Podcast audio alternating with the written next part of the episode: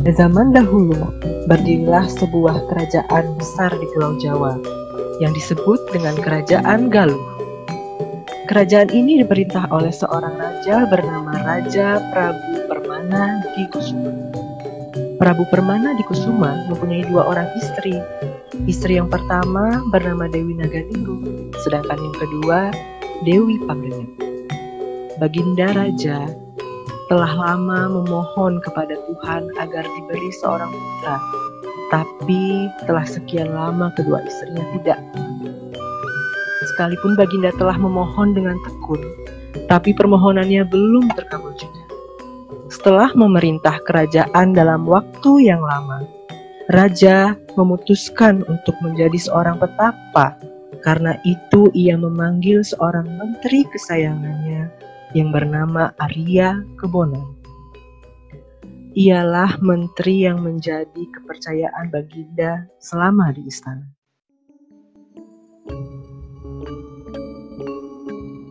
Pada suatu hari, datanglah Arya Kebonan ke istana untuk menghadap kepada sang Baginda.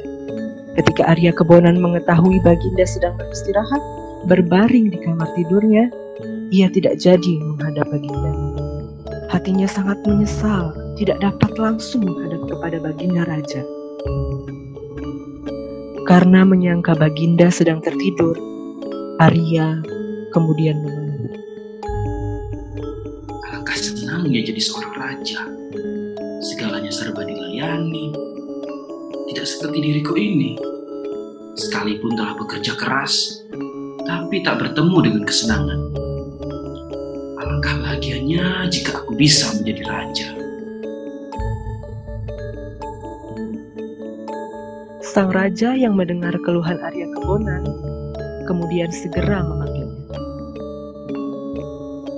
Kau ingin menjadi Raja Arya Kebonan?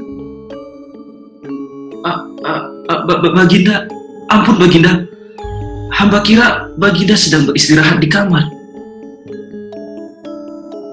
Jika benar-benar kau ingin menjadi raja, baiklah, aku akan memberikan kerajaanku. Asalkan kau dapat menjalankan pemerintahan dengan adil dan jujur. Aku hendak pergi bertapa. Aku menitipkan kedua permaisuriku. Ingat, kau harus bertindak bijaksana selaku seorang raja. Mohon ampun tuanku atas kesalahan hambamu ini. Tapi jika sekiranya memang Baginda percaya dan bersedia menyerahkan kerajaan Galuh Pakuan ini kepada hamba, sudah tentu hamba akan mengikuti pesan Baginda. Syukurlah jika kau bersedia dan merasa sanggup. Mulai malam ini, dengan disaksikan oleh si Lengser, aku serahkan kerajaanku. Namamu sekarang kuganti menjadi Raden Galuh Barma Wijaya Kusuma.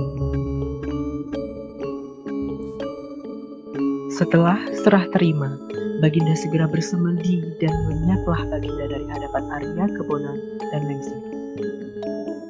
Di kemudian hari, Raja Sang Permana di Kusuma menjadi seorang Brahmana yang bergelar Ajar Sukaresi. Arya Kebonan sangat bergembira. Ia berganti nama menjadi Raden Galuh Barma Wijaya Kusuma. Sekarang ia telah menjadi raja yang kaya raya. Sedangkan Lengser kawannya yang sesama menteri sekarang harus menyembah kepadanya.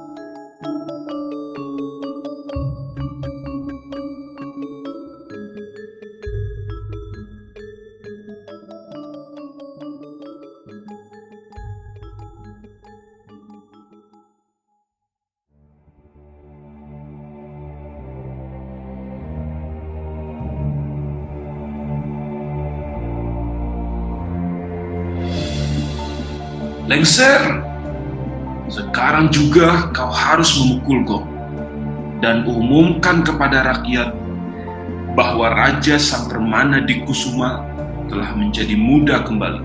Dan ingat Lengser, kau dilarang membuka rahasia jika jiwamu ingin selamat. Baik Baginda, perintah Baginda segera melaksanakan.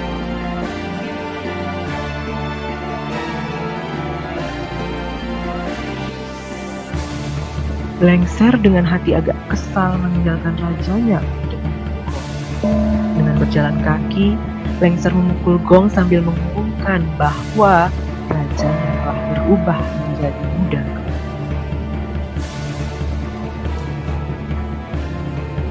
Rakyat Galuh Pakuan semua percaya karena mereka pun mengetahui rajanya seorang yang sangat kaya.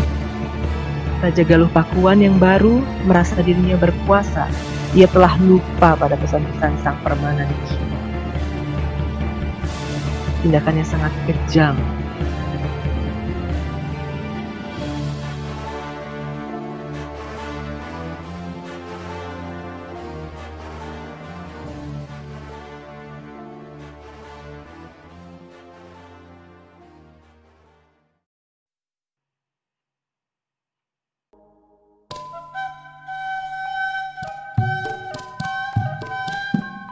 Pada suatu hari, Dewi Naganingrum dan Dewi Pangrenyat telah datang menghadap pada Baginda. Maksud kedatangan keduanya akan menceritakan tentang impian mereka semua. Ampun Baginda, tadi malam kami bermimpi. Mimpi kami berdua ternyata sama. Kami bermimpi kejatuhan bulan. Bola itu jatuh ke atas pangkuan kami, Baginda. Menurut seorang Brahmana bernama Ajar Sukaresi, kami berdua akan mendapat putra. Apa? Tidak mungkin. Tidak mungkin. Selama ini aku tidak bersalah memperlakukan kedua ratu sebagai istri-istri raja. Lengser, segera panggil Ajar Sukarsi untuk menghadapku sekarang juga. Baik, Baginda Prabu. Baginda yang hendak mempermalukan Ajar Sukaresi telah siap-siap dengan kebudayanya. Baginda telah menyuruh kedua permaisurinya memasang kuali pada perut mereka agar tampak seperti sedang mengandung.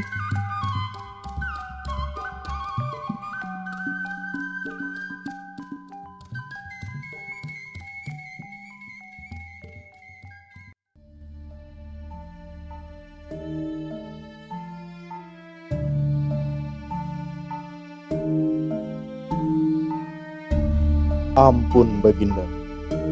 Ini Brahmana yang bernama Ajar Sukaresi datang menghadap Baginda. Hei, Ajar Sukarsi. Coba katakan, apakah kedua permaisuriku ini sedang hamil atau tidak? Benar hamil, Tuanku. Coba katakan, laki-laki atau perempuan anak-anakku itu? Menurut penglihatan hamba yang bodoh, kata Baginda keduanya laki-laki. Alangkah marahnya sang baginda. Kuali yang diikatkan pada perut kedua istrinya segera diperlihatkan. Ajar Sukaresi diam saja. Rupanya kemarahan baginda tidak sampai di situ saja. Segera ia menyepak kuali-kuali itu jauh-jauh. Di kemudian hari, desa tempat jatuhnya kuali itu disebut Desa Kawali. Ah, kau benar-benar membuatku kesal. Kubunuh kau. Tiba-tiba saja Baginda mencabut keris dan menikapkannya kepada Ajar Sukaresi. Tapi ajaib, keris tersebut malah bengkok. Hah? Kenapa kerisku malah bengkok? Apakah Raja berkehendak aku mati? Bila begitu, aku akan mati. Ki Ajar Sukaresi segera bersemedi. Tubuhnya segera jatuh ke lantang. Sedangkan nyawanya kembali ke Gunung Padang. Di kemudian hari, Ki Ajar Sukaresi akan menjadi ular naga yang berwarna biru. sehingga disebut dengan Nagawiru. Di keraton sesuatu yang aneh sedang terjadi. Apa yang dikatakan oleh Ajar Sukaresi ternyata benar. Kedua permaisuri Baginda benar-benar hamil. Setelah sembilan bulan, Dewi Pangrenyep melahirkan seorang putra. Anaknya diberi nama oleh Baginda Haryang Banga. Sedangkan Naga Ningrum belum melahirkan. Raja merasa heran, kenapa sudah 10 bulan Naga Ningrum hamil, tapi belum ada tanda-tanda untuk melahirkan.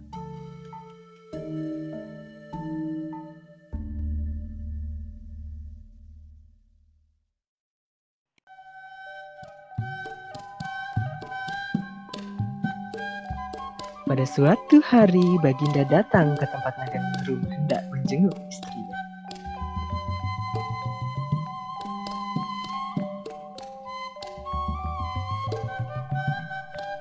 Kenapa kau menangis, Dinda? Apa yang membuatmu bersedih hingga menangis seperti ini? Apa sedih Baginda? Sudah 10 bulan, bayi yang kukandung ini belum lahir juga ke dunia.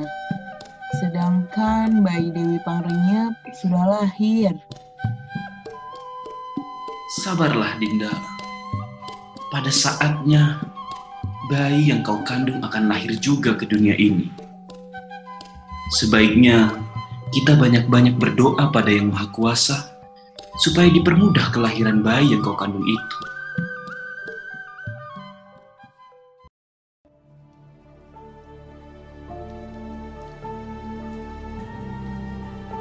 Setelah Baginda menghibur Dewi Naganingrum, tiba-tiba saja secara ajaib janin dalam kandungan Naganingrum yang belum lahir itu dapat berbicara. Barma Wijaya, engkau telah melupakan banyak janjimu. Semakin banyak kau melakukan hal-hal kejam, kekuasaanmu akan semakin pendek. Hah? Ada suara dari dalam perut naga ningrum? Sungguh aneh. Peristiwa aneh janin yang dapat berbicara tersebut membuat raja sangat marah dan takut terhadap ancaman janin tersebut.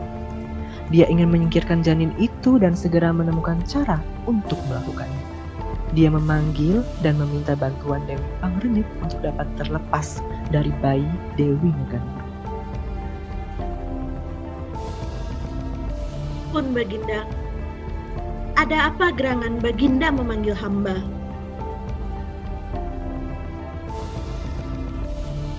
Pangrenyep, putramu hari yang bangga akan kujadikan penggantiku kelak. Oh, benarkah Baginda? Jika memang benar demikian, hamba sangat senang sekali Baginda. Tapi, jika naga ningrum melahirkan, putranya harus kau lahirkan di sungai. Bah, baik Baginda. Perintah Baginda akan saya laksanakan. Dengan perasaan sangat gembira, Dewi Pangrenyep segera melaksanakan perintah suaminya dan mengatur siasat. Semua dukun beranak dilarang membantu Naga Ningrum melahirkan. Semuanya harus meninggalkan rumahnya bila Naga Ningrum akan melahirkan.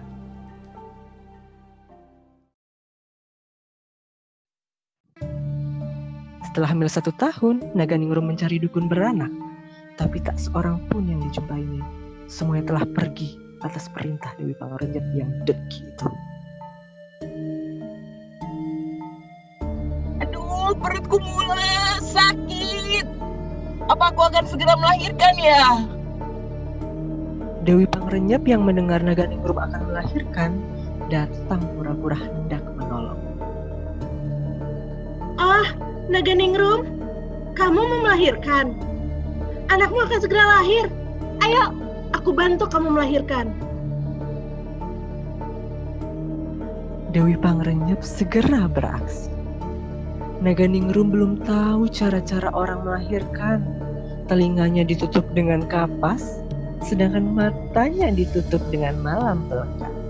Tangannya diikat Naganingrum yang tidak mengerti, menurut saja. Tak berapa lama, Naganingrum melahirkan seorang anak laki-laki yang molek banget. Bayi tersebut cepat-cepat dimasukkan ke dalam kandaga oleh Dewi Kawin.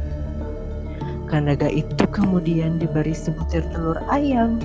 Setelah itu, kandaga bayi dihanyutkan di sungai Cipandi. Sedangkan pengganti bayi yang dilaporkan kepada raja adalah seekor anak anjing. Ampun Baginda, hamba baru saja membantu Dewi Naganingrum untuk melahirkan. Dan ternyata Naganingrum melahirkan seekor anak anjing. Apa? Naga Ningrum melahirkan bayi anjing? Memalukan. Lengser, Hamba Baginda, segera bunuh Dewi Naganingrum. Peristiwa ini pasti akan jadi aib bagi kerajaan.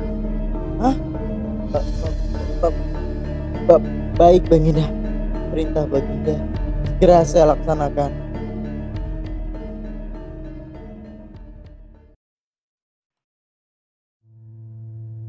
Setelah keluar dari istana, Lengser merasa tidak tenang dan bimbang. Lengser tidak sampai hati membunuh Dewi Naganingrum. Apakah aku akan tega membunuh ratu? Sedangkan beliau juga ratu yang baik. Ampun ratu, ampun. Saya diperintahkan baginda untuk membunuh ratu. Tapi saya tidak sampai hati membunuh ratu. Saya punya ide ratu untuk menyelamatkan ratu. Bagaimana jika ratu tinggal di hutan? Saya akan buatkan pondok ratu di hutan. Terima kasih Lengser, kau baik sekali. Kau masih mau melindungiku dari kekejaman Baginda Prabu. Sudah menjadi tugas dan kewajiban saya, Ratu, untuk melindungi keluarga istana termasuk Ratu.